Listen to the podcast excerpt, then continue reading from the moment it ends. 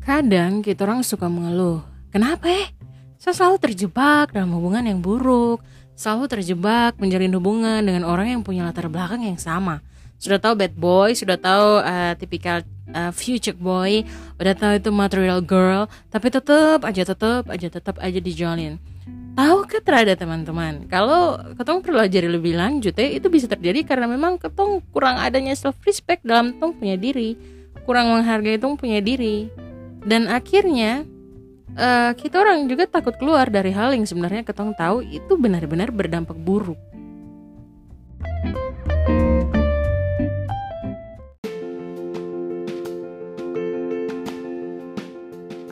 Halo teman-teman, para pendengar podcast cerita seru Jenny Karai. Senang bisa menyapa teman-teman kembali. Di mana saja kalian berada saat ini? Halo, selamat pagi, siang, malam, sore Pokoknya apa pun yang kalian lakukan, selamat berapa aja Hari ini topik cerita kita menarik sekali Yaitu tentang self-respect atau menghargai diri sendiri Kadang ya, kita orang tuh suka mengeluh Kenapa ya? Saya selalu terjebak dalam hubungan yang buruk selalu terjebak menjalin hubungan dengan orang yang punya latar belakang yang sama. Gue sudah tahu dia tuh tipikal material girl, udah tahu itu cewek tuh bukan tipikal setia, sudah tahu itu cewek pacarnya orang masih saja kau jalin hubungan sama dia. Sudah tahu itu tipikal bad boy, future boy, tetap saja kamu orang mau mau mau maunya aja jalan relasi. Tahu kan terhadap teman-teman, kalau dipelajari lebih lanjut ya, itu bisa terjadi loh karena kurang adanya self respect dalam ketemu punya diri sendiri. Bagaimana mendapatkan teman yang baik atau pasangan yang baik kalau kita orang ini tidak dapat menghargai diri sendiri? Padahal tiap-tiap orang tuh unik loh. Seperti uh, setiap sidik jari pada tiap manusia. Tidak ada satu pun toh yang walaupun dia dilahirkan kembar ya, kalau ketemu bilang cuma beda berapa detik gitu keluar oe oe. Itu juga dong punya fingerprint itu berbeda gitu loh kita tuh punya keunikan yang berbeda dengan orang lain. Antara saya, kok yang lagi dengar, siapa pun, kita tuh selalu punya titik berbeda-beda gitu. Dan kita orang lupa bahwa setiap dari kita orang ini berharga di mata Tuhan. Kita orang diciptakan, diberikan talenta, diberikan taste selera, diberikan kepintaran yang berbeda-beda. Sama seperti cerita sidik jari tadi. Self respect sebenarnya merupakan bentuk kita orang mencintai diri sendiri ketika tong bisa menghargai tong punya diri sendiri ya kita orang juga bisa menghargai orang lain. Contoh sederhananya kalau tong membiasakan bicara kepada diri sendiri dengan kata-kata positif pasti tong akan bicara kepada orang lain dengan baik dan lembut. Dan juga ya vice versa sebaliknya. Kalau kau sering bicara ke kau punya diri kata-kata negatif ya kau pasti akan jadi tipikal kasar dan selalu ngomongnya tuh nyelenek eh nyelenek nyelekit gitu kayak iya sakit terus nih sakit terus. Kayak macam kok mau lukai orang terus? gitu. Bagaimana caranya tahu kalau tong sudah menghargai diri sendiri atau tidak? Kamu bisa dengar podcast ini sambil kamu ambil secari kertas deh terserah mau kertas bekas gorengan kah kertas kamu tulis PR di buku atau kertas diary atau di kamu punya HP gitu ada notes coba deh. Uh, kamu ambil terus Tulis, bagaimana kau memandang kau punya diri saat ini? Bebas apa aja bisa menilai dari kau punya bentuk tubuh atau kau punya kepintaran atau kau punya talenta. Nah setelah kau tulis, kau coba baca lagi. Lebih banyak kau tulis hal-hal negatif apa positif. Dari situ, Tong bisa menilai apakah Tong ini sudah menilai positif atau negatif tentang Tong punya diri sendiri. Believe it or not, coba kau lihat kembali kadang itu kok sedang membuli kupu diri sendiri loh. Atau kok lagi jadi supporter kok punya diri sendiri. Sebenarnya apa sih dampak orang yang tidak punya self respect ada beberapa poin sebenarnya. Negative social relationship sering terjebak dalam hubungan pertemanan atau asmara yang tersehat. TTM kah? TTM juga masuk. Karena tidak bisa mengambil keputusan toh untuk meninggalkan orang-orang yang memberikan dampak negatif dalam hidup. Akhirnya orang-orang yang negatif itu ya ya keliling aku hidup terus karena aku juga tidak kasih batasan. Berikut setting unrealistic goals. Hmm. cenderung menjadi sosok yang perfeksionis. Perfeksionis tidak bermasalah teman-teman. Tapi ketika ku kasih goals yang tinggi sekali terus terasa sesuai dengan kau punya ekspektasi waktu kau kerja ya macam saya punya goal sampai di 100 kaget begini uh, saya cuma dapat itu 95 itu tuh bisa bisa kau drop gitu loh. Di sini orang akan cenderung untuk melihat sesuatu dengan negatif. Karena unrealistic toh. Ujung-ujungnya tuh bisa depresi anxiety. Anxiety ini kecemasan berlebihan. Aduh saya tidak bisa begini. Aduh saya kurang begini aduh saya kurang begini kurang begini. Kayak begitu. Berikutnya suka berpikiran negatif di sini orang tersebut akan cenderung melihat sesuatu dengan negatif dan mudah curiga. Pokoknya isinya curiga terus. Sayang, saya mau pergi ke sini. Uh, langsung pikiran curiganya pasti ketemu dia mantan segala macam.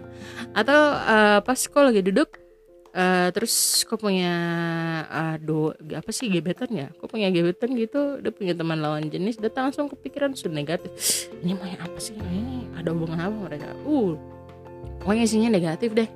Berikut selalu merasa tidak layak, suka merasa bersalah kalau sebuat baik untuk diri sendiri. Saya kasih contoh. Waktu kok memberanikan diri keluar dari hubungan asmara yang buruk, Tong suka ragu apakah yang Tong lakukan ini benar atau tidak.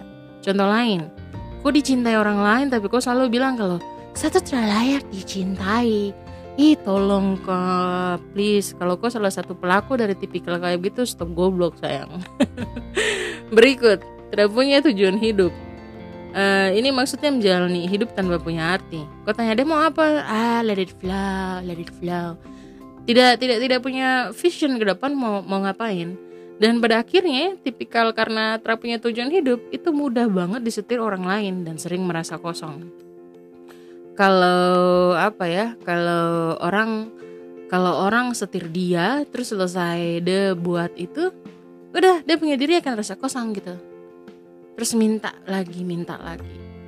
Biasa tuh sebut dong nama itu people pleaser atau orang yang selalu ingin menyenangkan orang lain. Tapi bodohnya ya itu terpikir diri sendiri. Terluka sampai berdarah-darah yang penting orang lain happy. Please please please please please. Kok sama-sama bukan martir? Ketong tidak sedang di masa-masa harus jadi martir ya teman-teman dan apa sih ciri-cirinya people pleasure ini? Pleasure, pleaser, pleaser, pleasure. Beda. Apa sih ciri-cirinya people pleaser ini? Ah, people pleaser. Oke, okay, benar. People pleaser ini yang pertama, suka menghindari konflik. Konflik itu punya dua sisi loh teman-teman. Dia punya dua sisi, kayak mata uang gitu. Dia bisa buat kau punya relasi hancur atau semakin kokoh. Kenapa bisa kokoh? Karena konflik itu artinya buat kita orang paham. Oh ternyata saya punya teman nih dia tidak suka begini, dia lebih suka begitu. Dari situ tuh ada ada proses untuk mengenal. Oh ternyata dia tipikal yang kayak begini. Oh ternyata dia tidak suka diginiin Itulah kenapa kadang tong perlu perlu sekali teman-teman berkonflik. Kalau tidak ada konflik sama sekali ya you have to wondering why. Tapi jangan sampai kau bikin konflik tak karuan ya.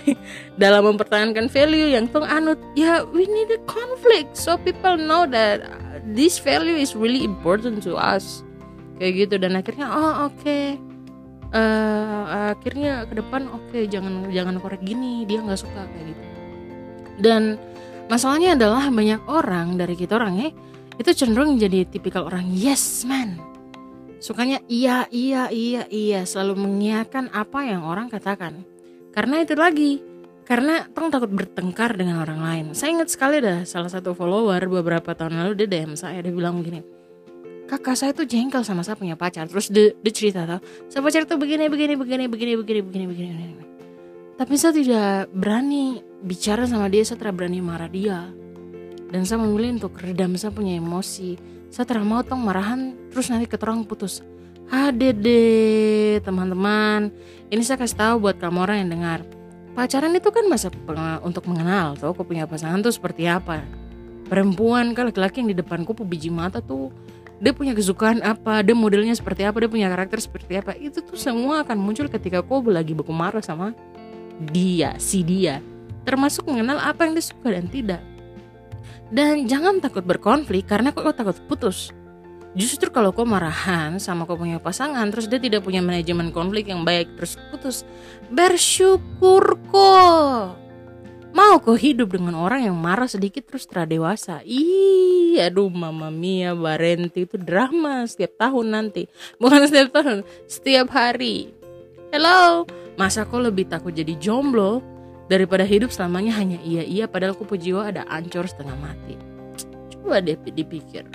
Yang kedua takut akan penolakan.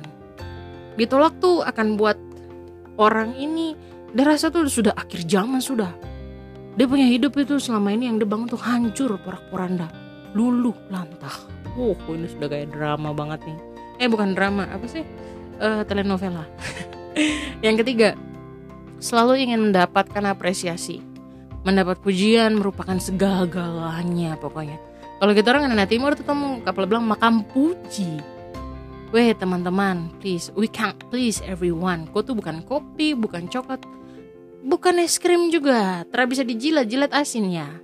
Kau tidak bisa senangin semua manusia yang ada di bumi nih. Paling ekstrim itu saking mau dipuji-puji, jadi menghalalkan segala cara agar terlihat lebih baik. Saya kasih contoh, naik pesawat duduk di seat ekonomi, tapi posting di sosial media kok di kelas bisnis. Nah, itu the power of makam puji. Yang keempat, ingin diterima, berusaha menjadi orang lain demi diterima oleh teman-teman sebayanya. Karena kok teman-teman suka minum, akhirnya kok ikut minum agar bisa diterima jadi bagiannya dorang. Atau karena kok teman-teman tiap tiap minggu itu suka nongkrong di kafe mahal atau mall, akhirnya kok juga uh, ikut sama dong punya gaya hidup padahal kok benar-benar sadar nih bahwa kok punya uang bulanan itu tidak cukup. Kelima, mudah sekali terpengaruh mudah jatuh dalam perselingkuhan, drug, alkohol. Ini contoh dari mudah terpengaruh. Kayak gitu. Dan ingat akarnya tadi karena apa? Ya karena not respect yourself, not knowing yourself correctly. Jadinya gampang terpengaruh. Jadi kalau kau lihat orang yang, yang dikit-dikit selingkuh-selingkuh ya sudah dah itu sudah. Berarti dia punya uh, isu tersendiri untuk dia punya pribadi. Keram, terdapat menolak tawaran orang lain yaitu tadi people pleasure uh, pleasure jadi yes yes yes iya iya iya kita ke sini iya kita bikin ini iya iya saja terus tidak bisa tolak karena aduh saya sungkan aduh saya takut ditolak dan segala macam yang ketujuh suka berbohong. Karena takut tau nanti tidak dapat menyenangkan orang lain maka akan sering berbohong. Saya kasih contoh sederhana. Waktu ditanya sama teman ya uh, kata orang nih sedang di mana? Eh Jen kok sedang di mana? Terus nanti pasti lebih cenderung bilang ah, lagi otw sedang di jalan.